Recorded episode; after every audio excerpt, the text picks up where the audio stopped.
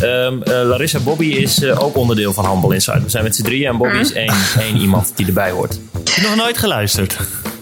Nee, Ivar wel. Ah, Nou, Ivar is trouwe, trouwe volger. Dat is heel goed. top. Ivar is ook Ehm. voor Ajax, dat heb ik gezien. Dat is ook cool. Ja. Ben je ook voor Dikke Ajax, fan. eh, Larissa, of heb je geen voorkeur? Nou, als ik iets moet zeggen, zou ik Ajax zeggen. Maar Kijk. het is niet dat ik eh, voetbalfan ben, dus... Kijk, kijk, kijk, kijk. Oké. Ehm, zijn we er allemaal klaar voor? Yes. Zeker. Oké. Bobby, let's go. Dag mensen van het internet. Eh, shit, ik weet serieus niet welke, welke aflevering we zitten. Drie. Wacht, stop opnieuw. Ja, go. Je hebt één taak.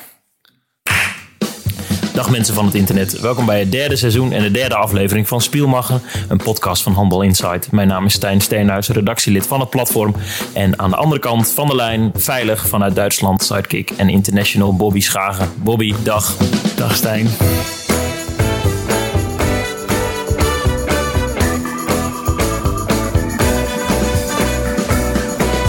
Dat je nou een uur geleden weer in zo'n eh, ijskist. Ja. ja, we moeten dat elke donderdag nu doen. Min 150 graden. Dat is echt eh, intens. Ja, is koud. En, en, en dat gaat niet wennen, denk ik. Nee, het wordt zelfs erger, heb ik het idee. Vertel. Het wordt, ja, die vrouw zei vandaag tegen mij, ehm, die daar werkt, die zei... eh, want de vorige keer was ik elke keer als eerste. En nu waren, was ik nummer 11 of zo. En dan is het dus veel kouder. Want die hele die cabine, die is dan al helemaal bevroren van binnen. Dus als je er dan in... Ik zei, het, het leek echt veel kouder vandaag. Toen zei ze, ja, omdat je als elfde bent. Dus het wordt gewoon erger. En nu zit je met een kopje thee. Eh, Moet je dan een beetje opwarmen? Emberthee, ja, je echt, ik weet niet, je moet het een keer doen. Je hele topjes van je vingers zijn helemaal bevroren daarna en je knieholtes. Maar het is wel lekker of zo. Het schijnt ook goed te zijn.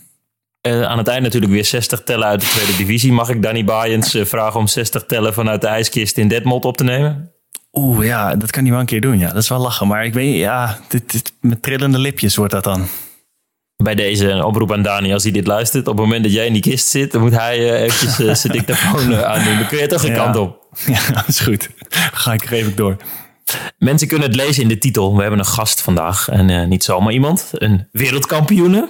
Eh. Larissa Nusser. Zullen we kijken of, of haar stemgeluid het doet? Ja, Larissa, hoor je avond. ons? Kijk, Hallo. heel goed. De techniek staat voor niets. We hebben zomaar contact met eh, zowel Drenthe, Duitsland als Denemarken, toch? Ja, zeker. Je zit op dit noorden. moment eh, in, eh, in Kopenhagen, waar je speelt. Natuurlijk onderdeel van, van Oranje. We vroegen je, heb je wel eens de podcast geluisterd? Wat was je antwoord? Mm, ik moet eerlijk toegeven, niet echt. Maar je vriend Ivar Stavast, ook handballer, die dan weer wel. Dus voor hem doen we dit vandaag. Ja, hij vindt het helemaal leuk, dus dat is goed. Heel spreekt goed om te nog een horen. keer. Dat is ook wel fijn. Hoort u nog een keer wat je te vertellen hebt. Ja, heel mooi. Straks hebben we een vragenronde. Ook een vraag van je moeder. eh eh, Oh god. hey, we hangen je nu uit. Eh, Kopenhagen, zei je net, de hoofdstad van Denemarken. Ehm, hoe ziet jouw woonsituatie eruit daar? Eh, ja, ik heb hier een appartementje en ik woon nu eigenlijk samen met twee teamgenootjes. Maar eentje die heeft kruisband afgescheurd, die is, dus, die is thuis. Dus eh, ja, we zijn hier nu met z'n tweeën. Dat En, is dan eh Niala Krullaars. Ja, ja, dat klopt. En zoals je kan horen, misschien ook een eh, kleine vriend. Heel goed. Een hondje, Ja. dat, eh, daar houden we van. Hoe heet, eh, hoe heet de viervoeten? Hij heet Milo. En die is dan Dus, vanuit. Limburg overgevlogen? Ja, die heb ik eh, dit jaar opgehaald en eh, die is vanuit Nederland meegekomen. Dus eh, sinds kort is dat wel een, eh, een nieuwe aanwinst hier. Hoe doe je het dat als je een uitwedstrijd hebt? Ik wil, ik wil ook altijd... Ik woon al tien jaar in Duitsland en ik denk altijd... Van, ja, een, een, een hond is toch wel leuk, een huisdier. Maar ik denk altijd, ja, als ik dan twee dagen weg ben... Of laat je dan de buren, of, of ken je iemand? Of, Ehm, nou, een meisje in mijn team, haar vriend, reist een beetje op en neer tussen Zweden en Denemarken. Dus hij is wel vaak hier. ah. En we hebben een ja, derde keepster, die is eigenlijk van, het, van, de, van de jeugdmoederclub, zeg maar. ja. Dus zij woont ook gewoon in Denemarken. Dus zij heeft ook al vaker aangegeven om op te passen. En van tevoren had ik ook Dion en Nikita natuurlijk. Die wonen ook in Kopenhagen. En die zitten in een andere club, dus waarschijnlijk een ander schema. ja. Dus die hebben wel aangegeven om een beetje op te passen. Nou, tot nu toe gaat het goed. Ah, Dus als jij Dus, dan eh, ver, ver in, in Denemarken moet, eh, moet spelen, dan gaat de concurrent, eh, Diona Houser of Nikita van der Vliet, die gaat dan je huis insluipen en die gaat dan voor de hond zorgen. Ja, ja, moet toch wat, hè? Nou ja, ze hebben ze, Dion heeft ook zelf een hond, dus die vindt het ook helemaal leuk. En eh, ja, moet toch iets voor elkaar over hebben. Nou, wat goed. Dit zijn wel leuke feitjes, Bobby. Kan eh, Jeffrey Boomhouwer dan niet op Joep eh, passen? Ja, maar Jeffrey woont twee, nou, ik denk wel drie uur hier vandaan. Denemarken is misschien ietsje kleiner natuurlijk. En als je mensen in de eigen stad hebt. Ja, ik heb hier niemand in de stad wonen die ik, eh, die ik een hond zou toevertrouwen. Mijn hond zou toevertrouwen. Nou ja, dat scheelt wel. Het is echt twee straten hier vandaan. Ja, dat is top. Ja. Ja, Had je, had je het nodig, ehm, Milo in de buurt? nou, nodig. het is gewoon wel iets extra's. Weet je, als je thuis komt, zit altijd iemand op je te wachten. Altijd iemand die blij is om je te zien. En als je je even alleen voelt of zo, dan heb je altijd iemand die je kan vervelen of die jou verveelt. Dus het maakt het toch soms net wat makkelijker. Maar Ah, leuk. Nou, dat is wel echt heel lief. Je, bent, je, je zit daar nu eh, al twee jaar. Je bent twintig jaar. Eh, Dat wil zeggen dat je op je achttiende al bent verhuisd eh, naar Kopenhagen.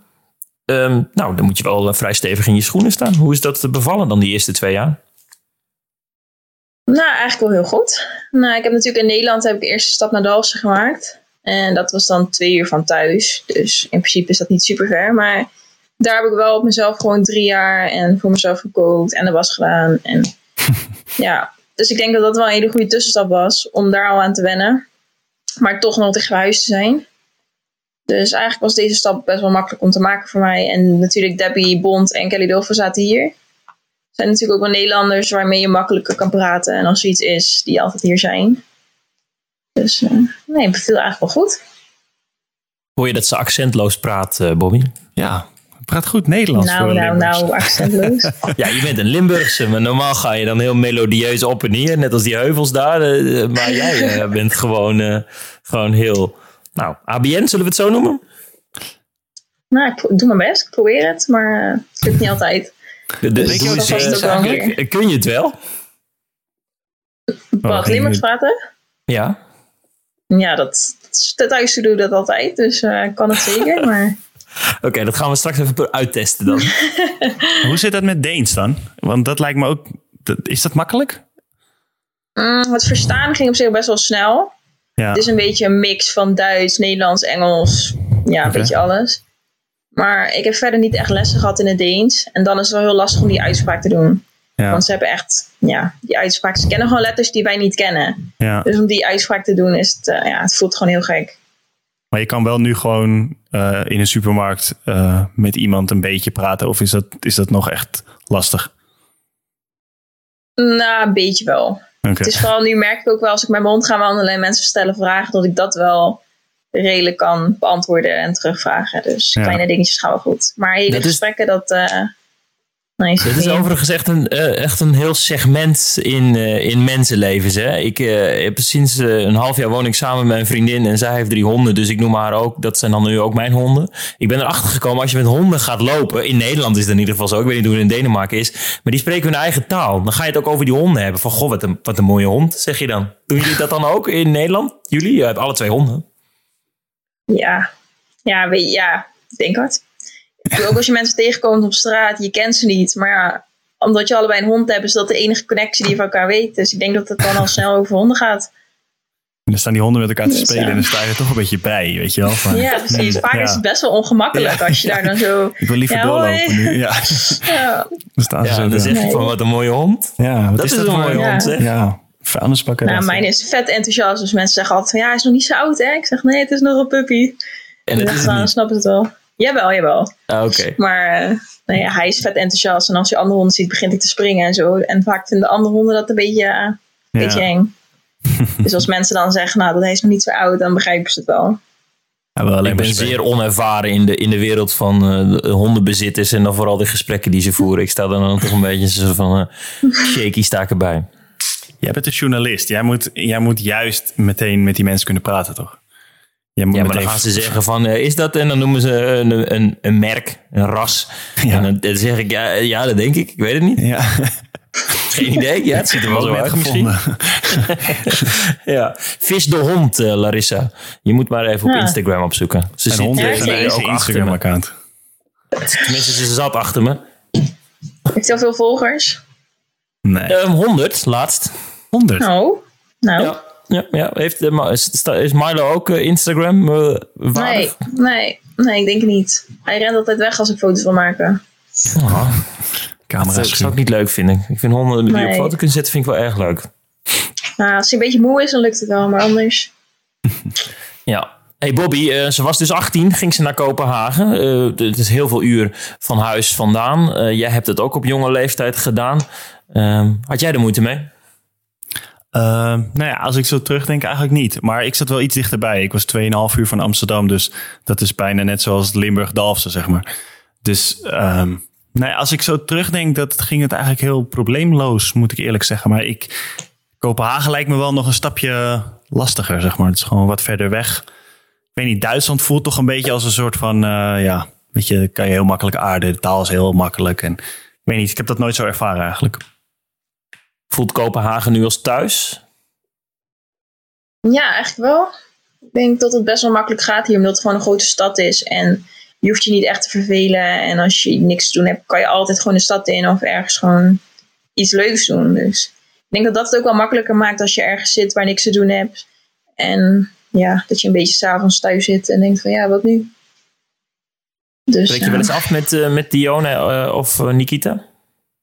Ja, best wel vaak. Ja, vaak. Als we een beetje zin hebben en eh, niet te moe zijn, dan eh, vinden we wel ergens een plekje. Ja, dat is wel echt eh, heel vet. Ja, va- zeker ook omdat het nu zo dichtbij is. Dion is een paar keer verhuisd, maar nu woont ze wel echt dichtbij. Dus ja, het is gewoon makkelijk om even koffie te doen of even gewoon bij elkaar langs te gaan. Even uit huis te zijn.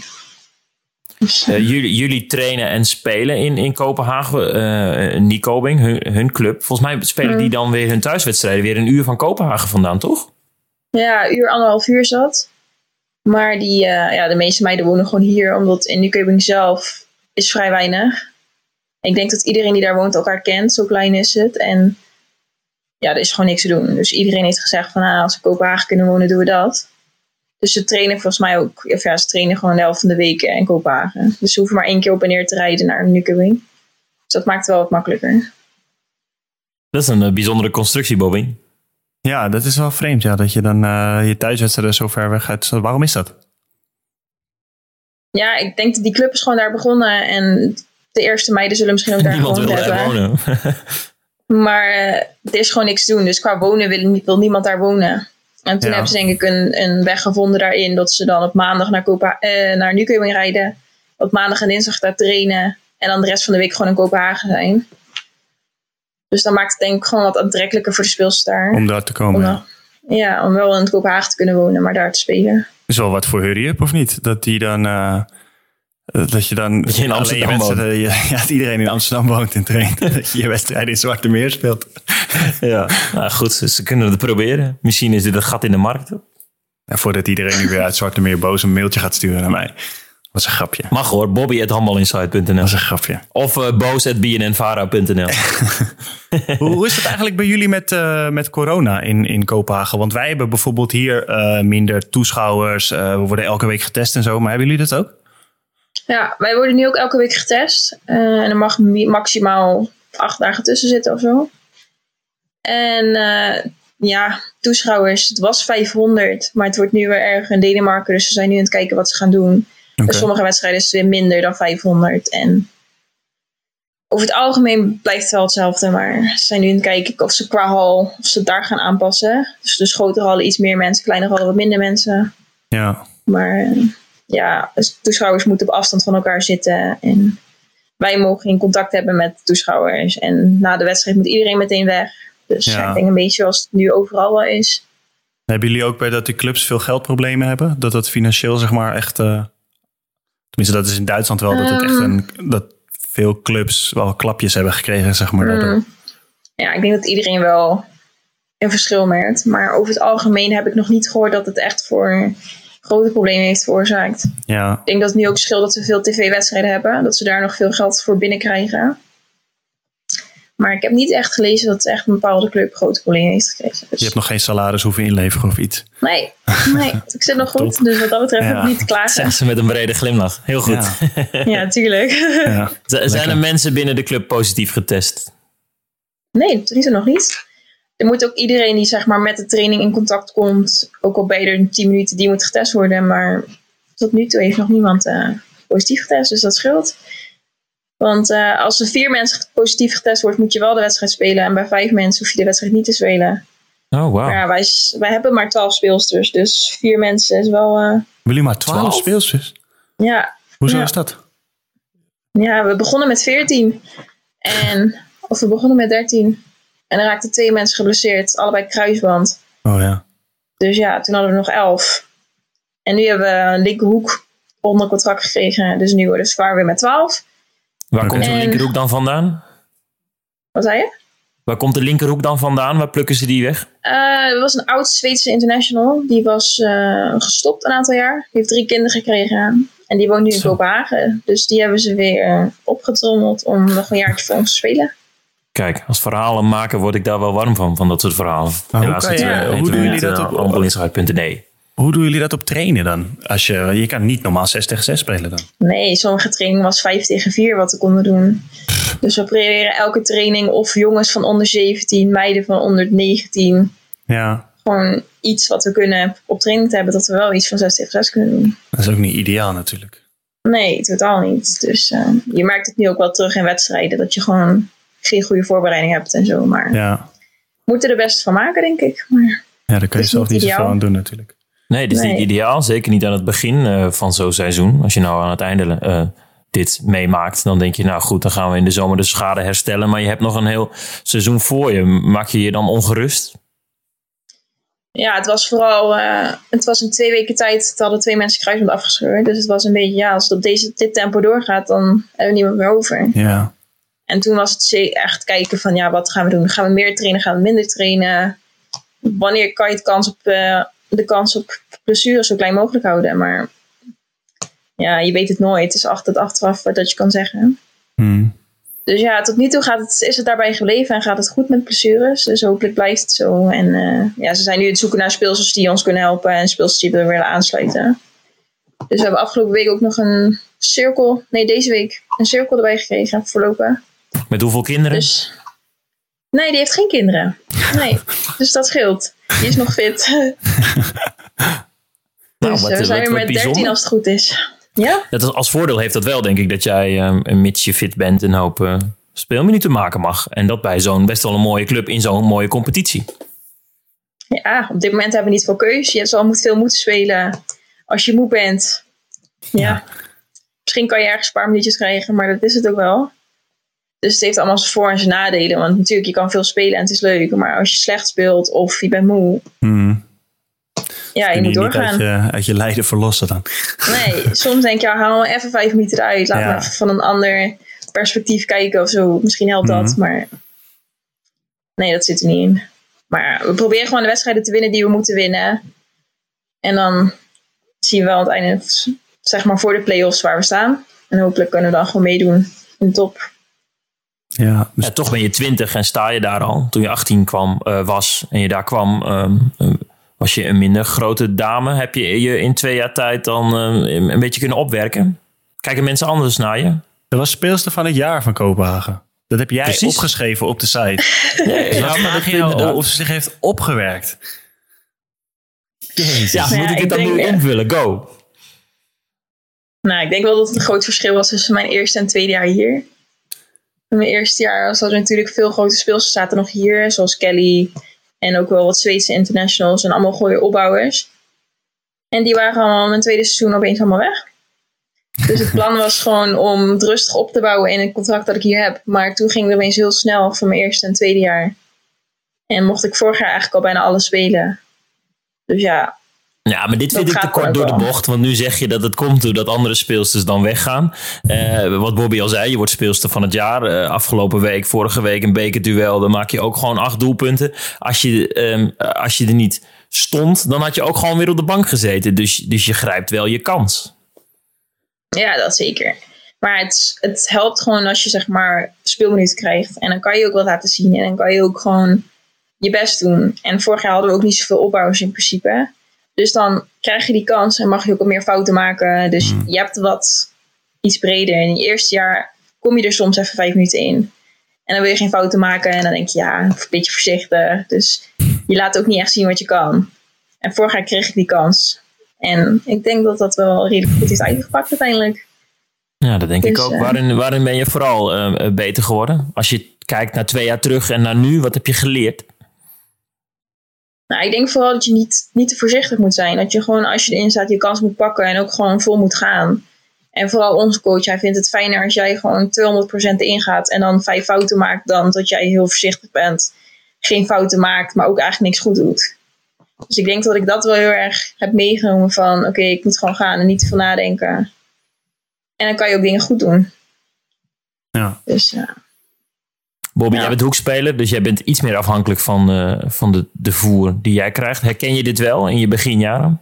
Ja, tuurlijk. Ik, ik zeg dat altijd als je, als je jong bent. Je moet gewoon. eh, Tenminste, ik vond het zelf het fijnst dat je gewoon heel veel speelt. Want dan, dan maak je fouten en dan leer je daarvan. En op trainen is dat gewoon. Ik weet, het is anders. Weet je, je, ook al train je op hoog niveau of zo, dan leer je ook wel veel. Maar gewoon die wedstrijden, bijvoorbeeld wat, wat Larissa zegt dat ze vorig jaar, dan heb je ook iets meer druk. Weet je wel, je, je bent gewoon belangrijk, je speelt veel en dan, ja, dan komt het een keer op het einde 25, 25 met nog twee minuten. Dat zijn situaties dat je echt beter wordt, zeg maar. Dus dan, die heb je niet op trainen, zeg maar. Dus het is gewoon zo belangrijk dat je gewoon veel minuten maakt. Vind ik tenminste, maar... Ja, heel ja, zeker. Nou, dan, heb ik, dan mag ik nu het gesprek voeren met twee eh, best wel heel succesvolle Nederlandse handballers. Ben je tevreden met eh, je, je groeicurve, Larissa? Ja, ik denk niet dat ik mag klagen op dit moment. Als ik kijk wat ik nu heb meegemaakt en wat ik allemaal, eh, waar ik mee bezig ben. Ik denk dat het gewoon voorloopt op schema wat ik van tevoren had gedacht voordat ik hier kwam. Want ja, ik kwam hier gewoon. Het was natuurlijk gewoon een goede club en met goede speelsters. Dus eh, ja, ik dacht gewoon rustig opbouwen. En dan na drie, vier jaar dat ik er dan sta en dan belangrijk ben voor het team.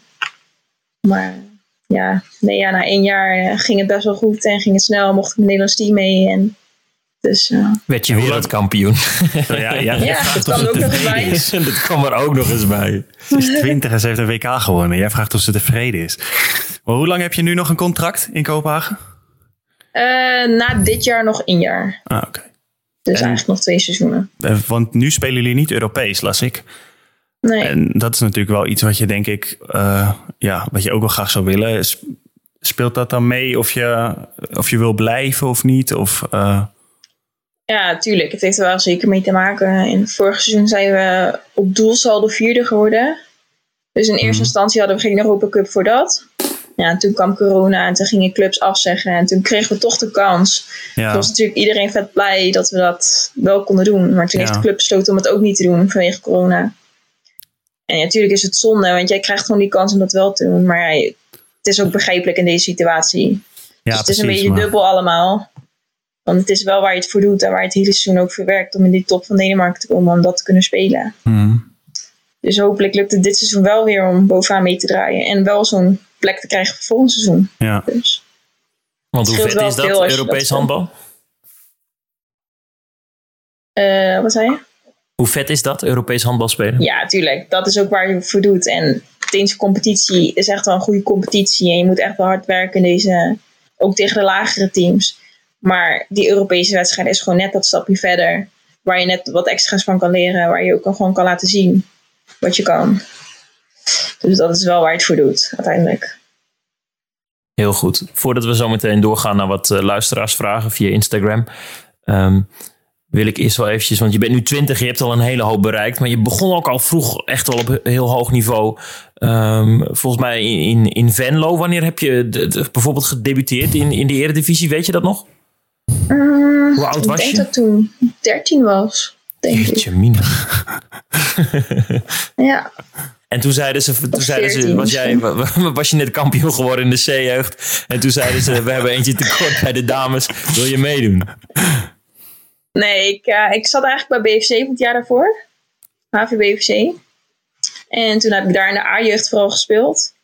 En toen heb ik het jaar daarna de overstap gemaakt naar uh, Handbal Venlo. En daar ging ik eigenlijk voor dames 2 heen. En dan meetrainen bij dames 1. Ja, en dat is eigenlijk ook wel goed uitgepakt. Ik begon het seizoen op de linkerhoek. Om uit te helpen bij dames 1. En eh, ik eindig gewoon middenbouw. Dus dat eh, ging wel lekker daar.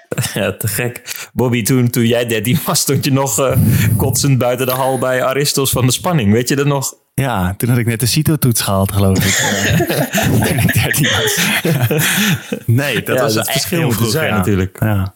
Nee, ik heb op zich ook wel vroeg... eh, ja. dat was wel bij Aristos, ja. dat zeg je wat. Nou, maakt ook niet uit. Je was, ook, je was er ook vroeg bij. Maar 13 en dan in de eredivisie, dat is natuurlijk wel En in de uitzonderlijk. Toen ben je op je op de hoek. vijftiende naar, naar Dalsen gegaan. Ehm, ook nog piepjong. Dan helemaal in, in, een, in een andere omgeving. En ik denk ook met, met dames die, die nou, bijvoorbeeld 20 zijn, die ouder zijn. Had je daar moeite mee? Eh, nee. Nou ja, ik heb eigenlijk altijd wel met iets oudere meiden gespeeld. Eén of twee jaar ouder was het eigenlijk wel. Maar ja, en bij Venlo was het ook gewoon was het een seniorenteam. Dus daar waren ook wel oudere meiden bij. Dus ik denk dat het... eh, ja, in, in principe was het wel gewoon normaal om met iets oudere meiden te spelen. Dus. En ik En denk wat dat vinden die er dan niet, van eh, als, eh, als jij als eh, broekie daar eh, dan eventjes laat zien hoe je, hoe je spelen moet? eh, nee, ja, ik heb er nooit wat over gehoord. Dus ik denk dat het wel goed zat. Ja, daar zit het goed. Maar eh, ja, ik heb ook wel een oudere zus, dus dat scheelt ook wel hoe je daarmee omgaat, denk ik. Maar eh, ja, ik heb er niks klaar gekregen, dus. Dat goed zeg. En dan nu op je twintigste in, eh, in Kopenhagen. Daar willen we zo meteen nog heel veel meer over weten. Ehm, maar Bobby hoort het al aan het muziekje. Ik hoorde het al. De halftime show. De Halftime Show. De Halftime Show is het segment in Spielmacher, de podcast van Handbal Inside, waar ook ruimte is voor niet handbal gerelateerde zaken. En dan gaan we zo meteen een hoop luisteraarsvragen hopelijk beantwoord krijgen. Eh, Larissa, we, hebben, we gaan hier ook altijd wat tips eh, delen, ofwel podcast tips, maar ook tv-kijktips of Netflix tips. Ehm, wat kijk jij? Ik kan me voorstellen als je na een zware training eventjes op je bedje gaat liggen, dat je ook eventjes je laptop openklapt. Ja, zeker. Die staat hier wel eh, bijna een hele dag aan, denk Kijk. ik. Deel ons tips. Nou, ik heb net How to Get Away with Murder afgekeken. En ik moet zeggen, die vond ik wel heel goed. Daar ben ik ooit aan begonnen, maar dat duurde zo lang. Ik heb het niet afgemaakt. Ja, is waar. Het is wel een aantal seizoenen eh, inderdaad. tof, ja. Heb je ook een, eh, een guilty pleasure? Iets waar je iets minder trots op bent, maar wat je zeker weten nu wel met ons gaat delen? Nou, ik denk vooral gewoon die slechte programma's in Nederland. Gewoon Temptation Island, Love Island. gewoon lekker ook- makkelijk in bed liggen en lekker Kijk wegkijken. je ook dit seizoen van Love Island, wat er dan nu op is? Ja, zeker. Die kijk ik dus ook met mijn vriendin. Dat is echt geweldig. Die mensen die, die, die zitten daar echt. En heb je, is wel opgevallen als ze dan gesprekjes... Want in Love Island moet je dan de liefde van je leven vinden. Als ze dan gesprekjes met hun tweeën gaan voeren... dat het dan ook altijd over zichzelf gaat. Dat ze dan zeggen van... eh, Ja, vind je mij ook de knapste zo? Ja, ze moeten wel even allemaal die bevestiging hebben van... eh, ik Anders ben doe je leuk ook en niet eh, mee. dat moet je ook leuk vinden. Ja, echt enorm. Ken jij het Bobby of niet, Love Island? Nee, ik ken het niet. hè. Ik, eh, we hebben dit altijd in dit, eh, in dit podcast. Dat jij al dat soort programma's kent en ik ken dat niet. Eh, maar mijn vriendin kijkt dat ook allemaal. Nu komt Bobby met een boekentip over de, de Ja. 70-jarige 70-jarige oorlog in Rusland. Kom. Ik wil niet de nerd uithangen, maar ik ken dat niet. Nee, ik, ik weet niet. Ik, eh, ik snap, als ik het soms kijk... Ik keek vroeger was Geordie Shore. Dat is een beetje die Engelse versie daarvan. En ik, ik kan me echt voorstellen dat het vermakelijk is. Maar ik heb die laatste, dat laatste seizoen van Temptation Island gekeken. Toen in die coronatijd. Ja, ik, ik, ik voel me altijd zo leeg daarna als ik dat heb gekeken. Over, over Jordy Shore gesproken, dat vond ik nog altijd het vetste. Daar had je gasten die noemden zichzelf The Situation. Dus, nee, dat was eh, Jersey Shore. Oh ja, Jersey Shore. Ja, ja, Jordy dat was- die, dat- ja, dat dat was was nog niet zo leuk. Maar die Engelsen waren nog gekker. Ja, wel. Ja, dat is mooi. Wie is dan nu eh, je favoriete eh, karakter met Love Island, Larissa? Dan moet je nu ook helemaal eh, kleur Mm, bekennen. dat is lastig. Wat vind je van het haar van Matthäus? Nou, je ziet helemaal niks. Dan heb je maar een gezicht. Bobby, je moet je voorstellen, hij heeft een soort van, een soort van noedels op zijn hoofd. Maar dan ongekookt. Vet. Nou, we kunnen Bobby hier niet warm voor maken. Nee, ik denk het ook niet. Ja, sorry. Ik, eh, ik, ik, ik moet daar wel een keer even aan beginnen. Maar ik zit niet in, die, in dat genre nog. Heb jij dan een tip vanuit jouw genre? Ik heb eh, ook op Netflix toevallig eergisteren de, de Social Dilemma gekeken. Dat is Oeh, nieuw. Ja. Dat was Ja. best wel vet. Dat eh, Ja. gaat er gewoon eigenlijk over hoe ziek verslavend social media is. Dan spreken ze met mensen van Facebook en Twitter en zo. Dat is best wel vet. Dat is wel een aanrader. Het duurt anderhalf uur of zo. Dat één, eh, Dan ga je ook wel even stevig aflevering. nadenken. Ja, dan denk je toch aan, eh, fuck, bij mij zit die telefoon ook aan mijn hand vastgeplakt. Misschien moet ik daar wel eventjes... eh, Ja, en ook echt dat we een soort van um, marionettenspeler eh, boven ons hebben hangen.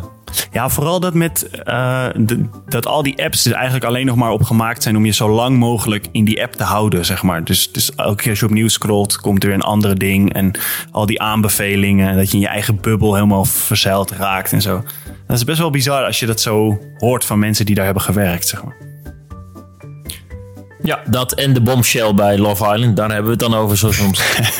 Ja, precies. bombshell, eh, Bobby, dat is als er dan weer nieuwe vrijgezelle mensen inkomen... die dan weer de hele boel op stel te gaan zetten. Maar waarom doe je mee aan zo'n programma? Waar, je hebt toch ook zo'n programma en dan komt altijd een ex van je het strand oplopen. Dat heb ik ook Ja. een keer zo'n voorstukje van gezien. Ex on the beach. Ja. Dat, eh, Moet je je voorstellen, die mensen zijn dan hebben die 20 mensen ook? Die zijn dan twintig hè, en die doen dat. En dan heb je Larissa Nusser en die is dan wereldkampioen. ja, die zit daar naar te kijken. Ja. Nou, ik ben niet de enige. Volgens mij kijkt iedereen daarnaar. Ik stel me maar voor het, is, gewoon leedvermaak. Ja. Het is gewoon die mensen, ja.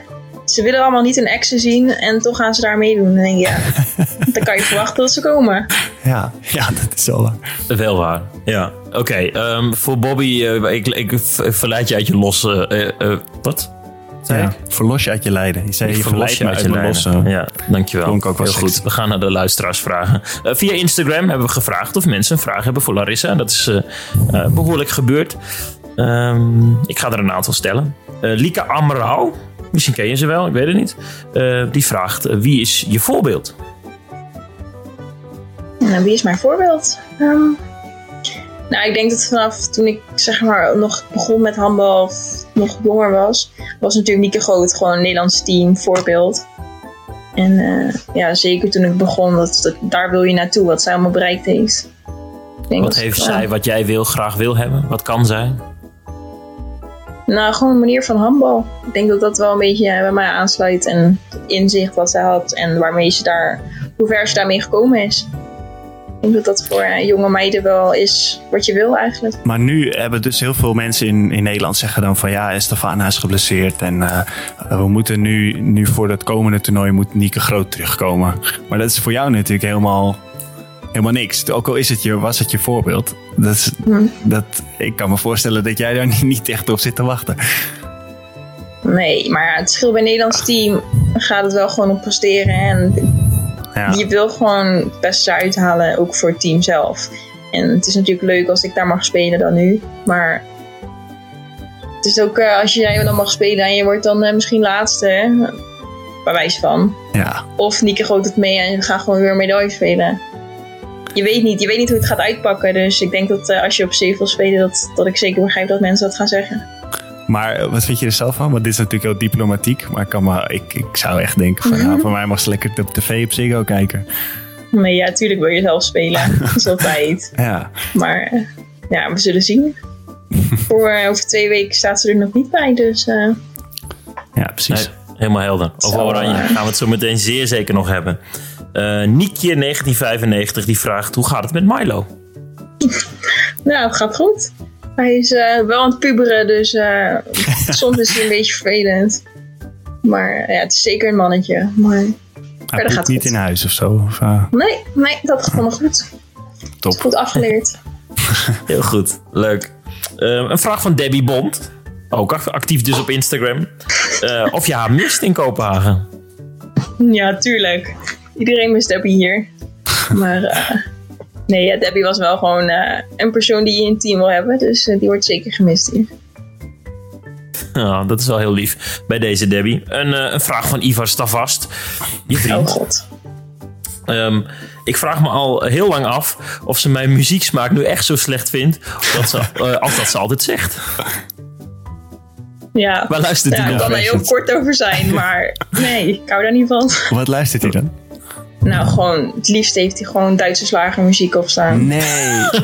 Of een Nederlandse lijst uit 1920 of zo. Ja, en die kan hij allemaal van voor tot achter meezingen. Echt. Ook Duitse Ja. slager is echt het allerergste wat er bestaat. Gewoon. Nee, nee word hij je- vindt het geweldig. Wauw. Weet je wie Dus ook zitten jullie samen in de auto en dan zet hij dat op. Ja, Ja, het is niet iemand die dan eh, denkt van, ah, zal ik wat anders opzetten? Nee. Als je lekker kan meezingen, dan is het goed. Dani heeft dat ook. Die luistert ook alleen maar van die Hollandse meezingers en van, die, van dat soort hits. Ja, maar je hebt nog een verschil tussen Hollandse meezingers en gewoon liedjes uit 1980 waar ik nog nooit van gehoord heb. Voel de frustratie voor wie hoort Ja, het. ja misschien begrijpt hij het dan eindelijk, maar ik denk het niet. Dit zit heel diep. Hm. Nou, dan, eh, eh, aansluitend op deze vraag, voordat we zo meteen een, een breuk eh, veroorzaken. Zitten- Laura Kersten, the 92, die vraagt... ja, zie je het al. Larissa op zo'n strandbedje en dan komt Ivar uit die zee. Met zo'n Duitse slagermuziek. Ja, daar zitten jullie er zelf in. Ja. Nou goed, niet te ver eh, van, van dit Instagram-rondje afgaan. Eh, Laura Kersten, 92, die vraagt... hoe gaat het met het op en neer reizen naar Ivar? Want hij speelt eh, in Duitsland. Ja. Hoe vaak zien jullie elkaar? Sinds dit seizoen begonnen is, hebben we elkaar één keer gezien, denk ik. Dus het is wel lastig, want hij zit nu bijna in Polen zover. Het is echt nog een twee uur onder, onder Berlijn. Dus qua reizen is het niet ideaal. Dus eh, ja, je moet of het vliegtuig naar Berlijn pakken en dan met de trein een paar uur, of twee vluchten pakken. Of... wow. Dus het is niet dat je even op en neer gaat. Nee. Dus eh, ik had laatst gekeken, dan moest je op zaterdagmiddag heen en zondagmiddag terug. Terwijl ook al ben je vanaf eh, donderdag tot zondag vrij, zeg maar. Dus. Voor 800 euro vaak dan ook. Ja, precies. Dus het is niet ideaal op dit moment. Maar ja, we moeten het beste van maken, denk ik. Ja, pittig en eh, sterk van jullie. Laten we er dan wel afspreken op het moment dat jullie dan wel samen zijn... dat hij dan kapt met die, eh, met die muziek. Ja, zeg het er maar. Ja, dan zie je hem eindelijk een keer. dat doet. En dan, eh, Dan zit hij die stomme muziek op. Ehm, volgende vraag, dat is anoniem. Ik zou willen weten hoe het is om, ehm, om met de druk om te gaan van het zijn van talent. Als je op je dertiende debuteert in de eredivisie, op je vijftiende Dalsen, achttiende Kopenhagen, op je twintigste wereldkampioen, ik herhaal het nog maar eens. Eh, ja, dan eh, krijg je een plakkaat, talent. Hoe, eh, hoe is het druk te hebben dan? Nou, ik denk dat je er zelf niet te veel over na moet denken. Ik bedoel, ik heb nooit zelf het idee gehad van, ah, ik moet nu presteren. In Nederland was het gewoon eigenlijk nog gewoon lekker handballen en doen wat je leuk vindt. En zolang je dat gewoon doet, kan het alleen maar goed gaan, denk ik. Dus eh, ja, gewoon niet van nadenken en vooral plezier blijven houden en dat je het ook nog leuk vindt. Het glijdt allemaal maar van je schouders af, geloof ik. Ja, ja, ik ben zelf niet iemand die daar heel erg over na gaat denken of eh zich druk, druk om zit te maken. Ik denk dat dat wel helpt. Maar eh, ik denk Slotvraag. niet dat het de druk van het talent is, maar gewoon soms heb je ook gewoon de druk van ik wil zelf goed spelen. Maar dat heeft iedereen, dus dat heeft niet per se eh, daarmee te maken. Herken jij dit, Bobby? Ehm, ja, ik ben nooit, denk ik, het talent geweest.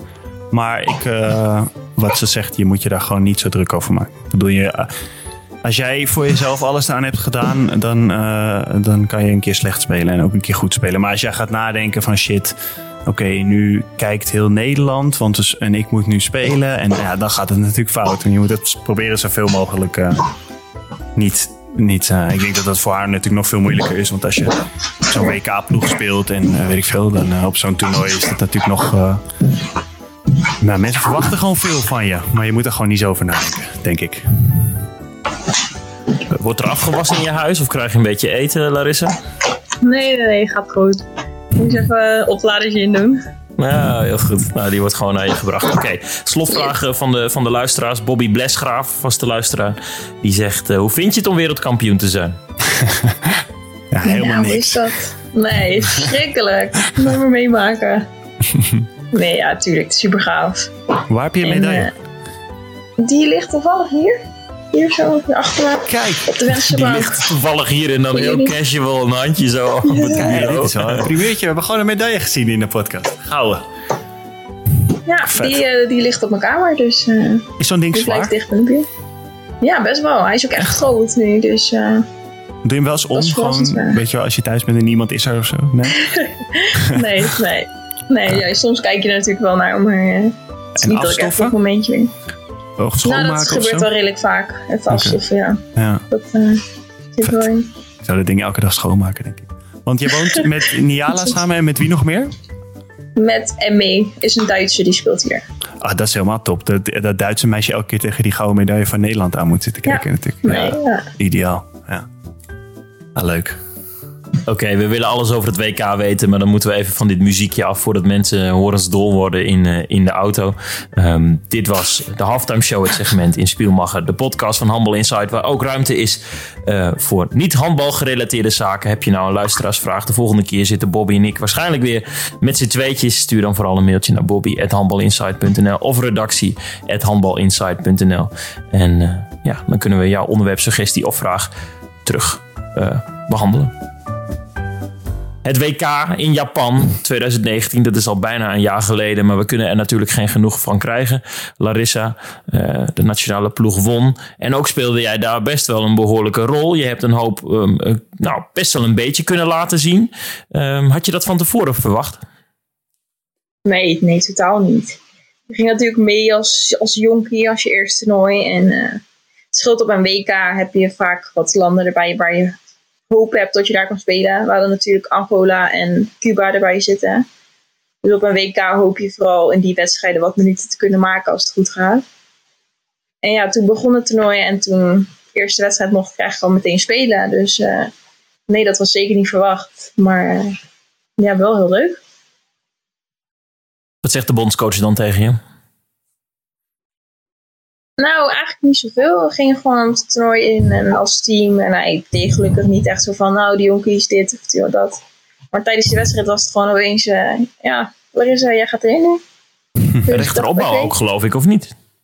Ja, het was eigenlijk vooral in de dekking dat ik erin kwam. En dan eh, soms de tegenaanval en anders wisselen in de aanval. Dus eh, dat is ook nog iets wat ik nooit heb meegemaakt. Dus eh, ja, en de dekking erin komen is ook Ja. wat anders voor mij. Dus eh, ja, dan maar meteen op een WK doen, toch? Waarom zette je je eh, toen in? Eh, nou, het was vooral die eerste wedstrijd probeerde hij zijn visie in de dekking door te voeren bij ons. En dat was wel iets anders dan wat wij gewend zijn bij Nederlands team. En hij wilde vooral met de twee verdedigers wat offensiever gaan. En ik denk dat hij mij daarin vond passen. Dus ja, hij denkt dat, ik denk dat hij dat wilde proberen met mij. Maar ja, we hebben die wedstrijd verloren, dus het, zal, eh, het was niet het beste misschien. Maar eh, eh, uiteindelijk heeft het allemaal goed uitgepakt. Dus ik denk niet dat we mogen klagen over die wedstrijd. Ja. Had je gaandeweg het WK het gevoel dat er, dat er een hoop in zat voor jullie? Ja, ik denk het wel. Ook al verloren we die eerste wedstrijd. We wisten waar we aan moesten werken en we wisten wat beter kon. En ook zeker dat het beter kon. En eh, nou, ik denk vooral ook na die wedstrijd tegen Noorwegen en Servië. Dat je wel gewoon wist van jezelf. Oké, we hebben dit wel even goed gedaan. En van Noorwegen winnen hebben ze in de afgelopen jaren niet echt vaak, eh, is niet vaak voorgekomen. Mhm. Dus ik denk zeker als je dat laat zien, in, ook in het team, dat je weet van, we zijn hier zeker niet kansloos. En zeker verlies je ook wedstrijden. Maar je zag in de eerste ronde lagen toplanden er ook al uit. Dus het was sowieso een gek toernooi. Ja. Ik denk dat we zeker vanaf het begin wel zoiets hadden van, er zit veel in. Nou, dat het toernooi begon vooral. En dan speel, je, en dan speel je de halve finale tegen Rusland. En dan is het de, de nacht ervoor. En dan lig jij op je hotelkamer in een bedje in Japan, Kumamoto. Wat denk je dan? Waar, waar ben ik in godsnaam beland? En, en, en wat gaat er in godsnaam gebeuren? Ja, die maand daar ging eigenlijk super snel. En als je beseft dat we daar gewoon vier weken lang hebben gezeten, dan denk je van, poeh. Maar die dag inderdaad voor de halve finale, dus je denkt, wow, we zitten hier gewoon in die halve finale. En als je dit een maand van tevoren gezegd had, dan had iedereen wel gedacht van, hmm, zullen we nog wel zien of we dat kunnen redden. Maar ja, het is eigenlijk bizar dat we daar gekomen zijn met, met ja, en op de manier hoe het is gegaan vooral. Dus ik denk dat we daar al stonden, was gewoon al een hele prestatie. En het kon alleen maar beter worden. Heb je dan ook als je, eh, want in Nederland de media-aandacht is zo, dat ontploft echt, zeg maar, als het goed gaat bij de vrouwen. Maar krijg je dat mee of zo? Of probeer je dat een beetje uit te schakelen of zo? Of, of ik kan me zo voorstellen, tenminste toen wij het EK hadden, weet ik nog dat ik dat best wel moeilijk vond of zo. Dat, dat iedereen daar zeg maar mee bezig was of zo. Dat had ik nog nooit meegemaakt. Want normaal speel je gewoon in Duitsland en de mensen in Nederland volgen dat niet. Dus dat, daar heb je nooit echt heel erg last van of zo. Hmm. Maar nu werd daar echt zo, ik weet niet, ik, vond, ik weet nog dat ik dat, dat, dat me dat best wel, dat ik dat moeilijk vond, zeg maar. Maar bij jullie is het nog tien keer zo erg natuurlijk. Ja. Ik denk dat het misschien wel scheelt dat we in Japan zaten natuurlijk. Dus je bent Ja. gewoon ver, ver weg. Veel tijdsverschil ook. De helft van de dag is niemand wakker dat je daar bent. Ja, Dus qua contact met Nederland zelf is het niet zo heel veel. Maar natuurlijk, je ziet op Facebook, op internet gewoon allemaal dingen voorbij komen. Dat, is, dat stond natuurlijk wel bomvol. En je Ja. krijgt ook allemaal berichtjes. Maar ja, over het algemeen contact was misschien iets minder tijdens, tijdens het toernooi zelf als je wakker was. Maar ja, het is natuurlijk veel meer dan je gewend bent. En het kwam ook wel echt, zeker als je wedstrijden won. En eh, ja, ik denk ook wel het commentaar misschien na de eerste wedstrijd dat we verloren. Ik denk dat dat misschien nog wel erger was dan toen het goed ging. Ja. Maar eh, Eh, ja, dus- ik denk, ging Dat is soms goed. een beetje hoe het gaat in Nederland. Hè. Ja, nou als het goed Dan gaat, gaan is het opeens allemaal lastige aardig, journalisten maar, gaan opeens eh, schrijven. En die gaan dan opeens alles van alles Ja. vinden. Mensen die nog nooit handbal hebben gekeken of juist heel veel. Ja, precies. hmm. Dus, Ja. eh, Dan kun jij nog even die medaille laten zien. ja, precies. precies. Hier. Die nemen ze niet meer Nadat het laatste fluitsignaal klonk en jullie wereldkampioen werden, hoe lang heeft het nodig gehad voor jou om te beseffen wat jullie eh, gepresteerd hebben? Nou, ik denk wel, wel best lang. Ik denk misschien dat we in het vliegtuig terug zaten, dat je eens goed over, na alles, over alles na gaat denken. Dat het dan eigenlijk pas echt binnenkomt van wat is er eigenlijk allemaal gebeurd. Want, eh, Hmm. nou natuurlijk op die dag zelf, je krijgt die medaille en je ziet het wel, maar het is zo gek, zeker hoe die wedstrijd verlopen was. Het ging allemaal zo snel op het eind. Ja. Dus eh, Kijk, Ja. Keek je naar bij die penalty? Of keek je niet? ja, ja. ik ik wel. En was Ja, je, was- ben je dan echt zo fucking nerveus? Of, of zit je gewoon in zo'n soort van adrenaline roes? Heb je dat Ja, niet ik helemaal denk door? ook dat vooral. Vooral die adrenaline. En ik denk dat het voor ons ook was van... Oké, het stond gelijk, dus of we winnen of er komt verlenging. Het is niet Mm, dat je ja. na die penalty verliest of ja, verlenging. precies. Dat is wel een verschil inderdaad. Misschien gaf dat nog iets van rust. Maar ja, natuurlijk, op het moment hoe het ging ook. Ik denk dat je meer bij jezelf aan denken was van... Wat gebeurt hier er? allemaal? En wat Ja. was er precies aan de hand? En voor wat krijgen wij een penalty en, twee, Ja. en die rode kaart? dus ik denk dat, dat je ook nog een beetje in die modus zat... toen die penalty überhaupt al genomen werd. Ja, dat is ook zo bizar. Dat je in zo'n wedstrijd ben je vaak minder nerveus of zo dan wanneer je zoiets kijkt. Als ik Ja. zo, naar zoiets kijk of bij een voetbalwedstrijd, dan ik kan, dat kan ik niet uithouden. Maar als het me het zelf overkomt, is dat helemaal niet zo, zo bizar, zeg maar. Of zo. Het is heel gek. Ik moet zeggen dat de speelsters in het veld ook vooral heel rustig waren. Ja, Ook gewoon de laatste paar minuten van de wedstrijd. Ze bleven echt wel kalm. En natuurlijk op de bank hadden wij ook zoiets van... Oké, de tijd duurt lang en je zit daar, je kan niks doen. Ja, en ja. ik denk dat dat ook nog wel wat erger is. Maar ja. ja, misschien de speelsters in het veld stelden er ook wel gerust van... Oké, je moet gewoon doen wat, wat we kunnen. En dan moet het goed komen. Ja, is misschien ook een beetje ervaring. Als je heel Ja, veel hebben ja. al heel vaak eh, belangrijke wedstrijden gespeeld natuurlijk. Ja, zeker Ja. waar. Gaan die beelden ooit nog uit je hoofd? Nee, ik denk niet. Nee, zeker ook ja, wat voor wedstrijd het was. Kijk, als je die wedstrijd gewoon lekker wint... dan was het een leuke wedstrijd. Ja, Maar hoe het is gegaan, het was bizar. En gewoon het gevoel van die wedstrijd. Dat, vooral ook het filmpje dat je daar op internet, overal voorbij ziet komen. Als je die nu nog ziet, dat je weer kippenvel krijgt. Maar ja. ja, het was wel echt heel vet. Heel gaaf. Ehm, toen behoorde je tot eh, de jongere garde. Dat doe je eigenlijk nu nog steeds. Eh, volgend jaar staat er een Olympische Spelen gepland, eh, mits die doorgaat. En dan wordt er nog wel eens gesproken over dat er een aantal dames bedanken. Ben je er klaar voor om op een gegeven moment eh, van, van jongeling naar eh, meerdragende kracht te gaan bij Oranje? Nou, ik denk zeker als ik gewoon op dit niveau kan blijven spelen en trainen, dat het wel. Je weet dat het aan gaat komen als je zelf gewoon goed kan blijven spelen. En ik denk dat het alleen maar leuk is om zeker na deze groep, om dat over te mogen nemen. Wat ze allemaal bereikt hebben, wat ze allemaal gedaan hebben. En als wij dat met de jonge groep ook kunnen neerzetten, dat zou heel gaaf zijn. Met wie van, van jouw huidige generatie, leeftijdsgenoten, zou jij graag eh, in Oranje willen spelen? Wie, wie zie jij graag naast je staan? Voor wie zie jij ook een mooie toekomst voor?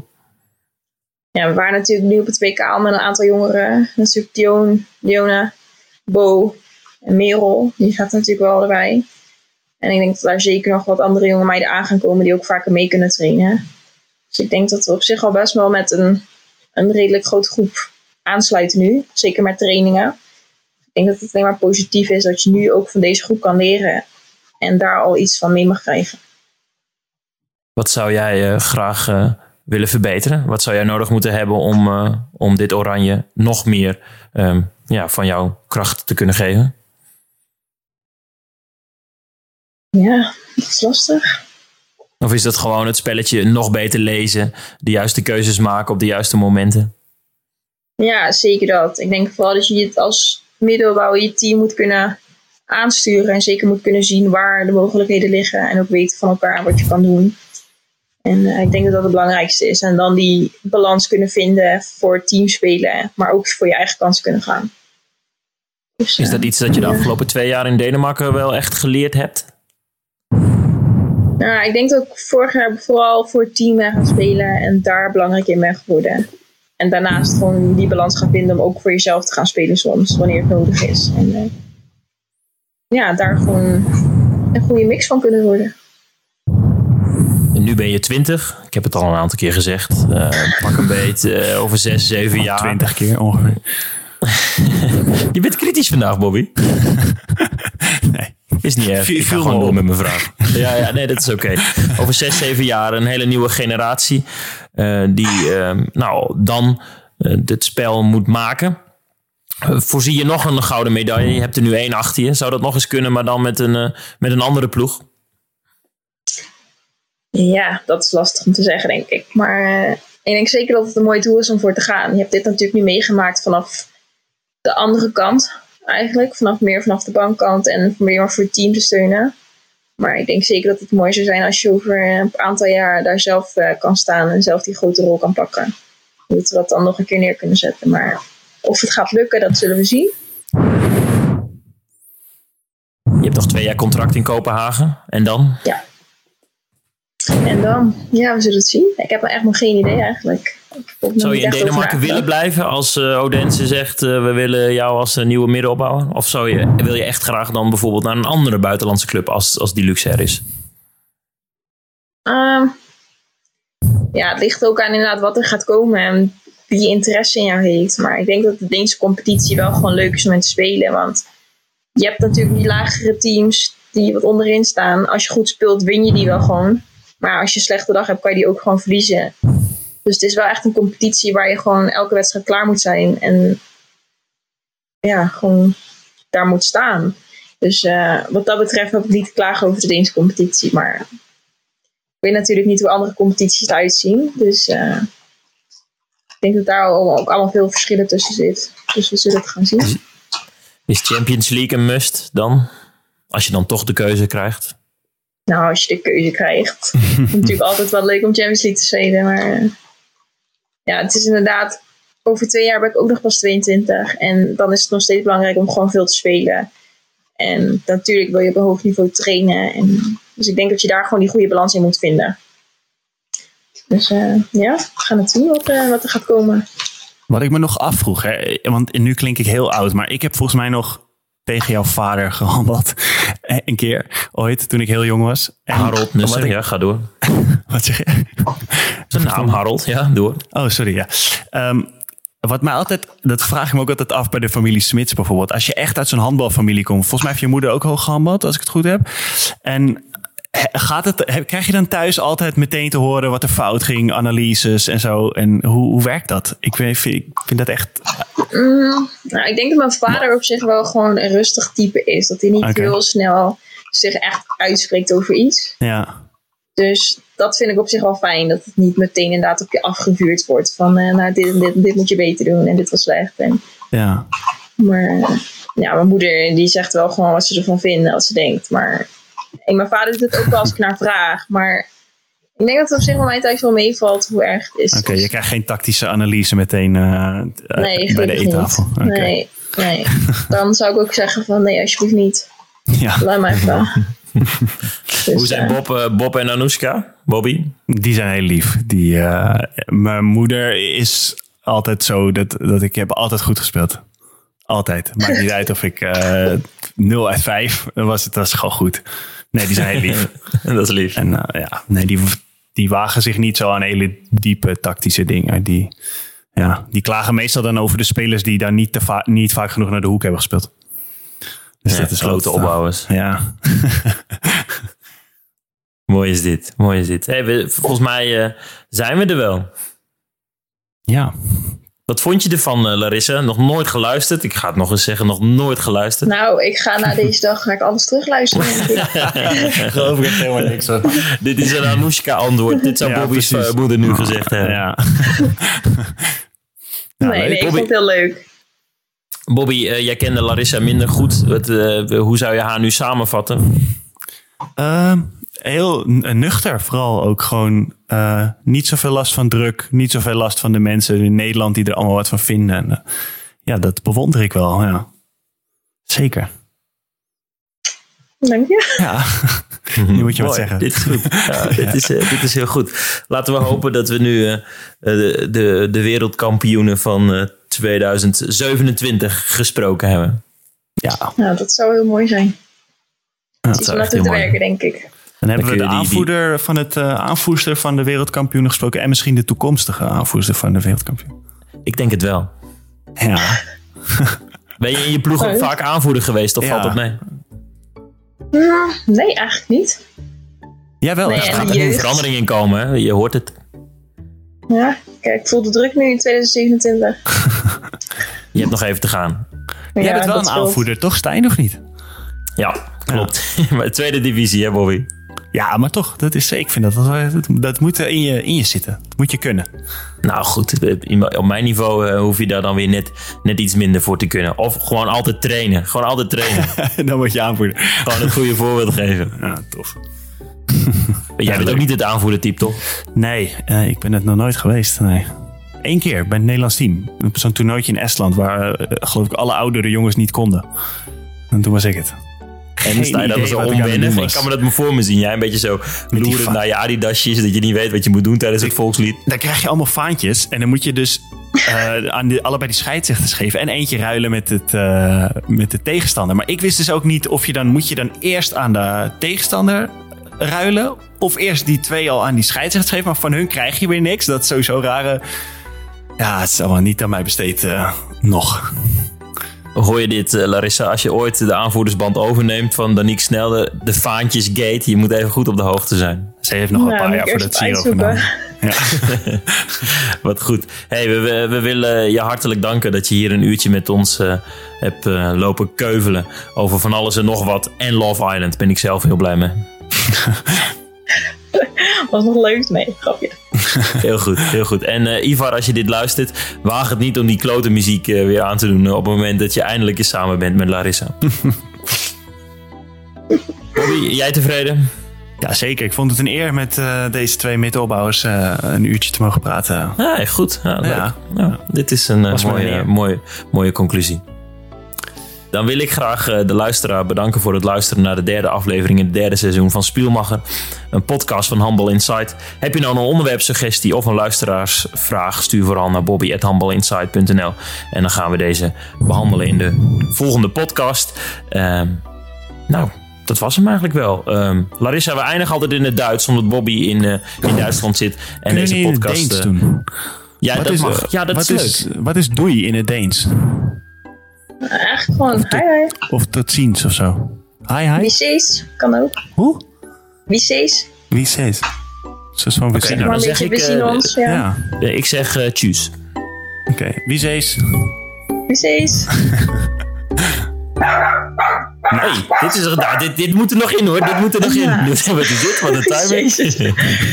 Eh, Hij zegt ook wie ze is, maar dan op zijn hond. ja, nou, ben je vet hard? Jezus. Oké, tjus.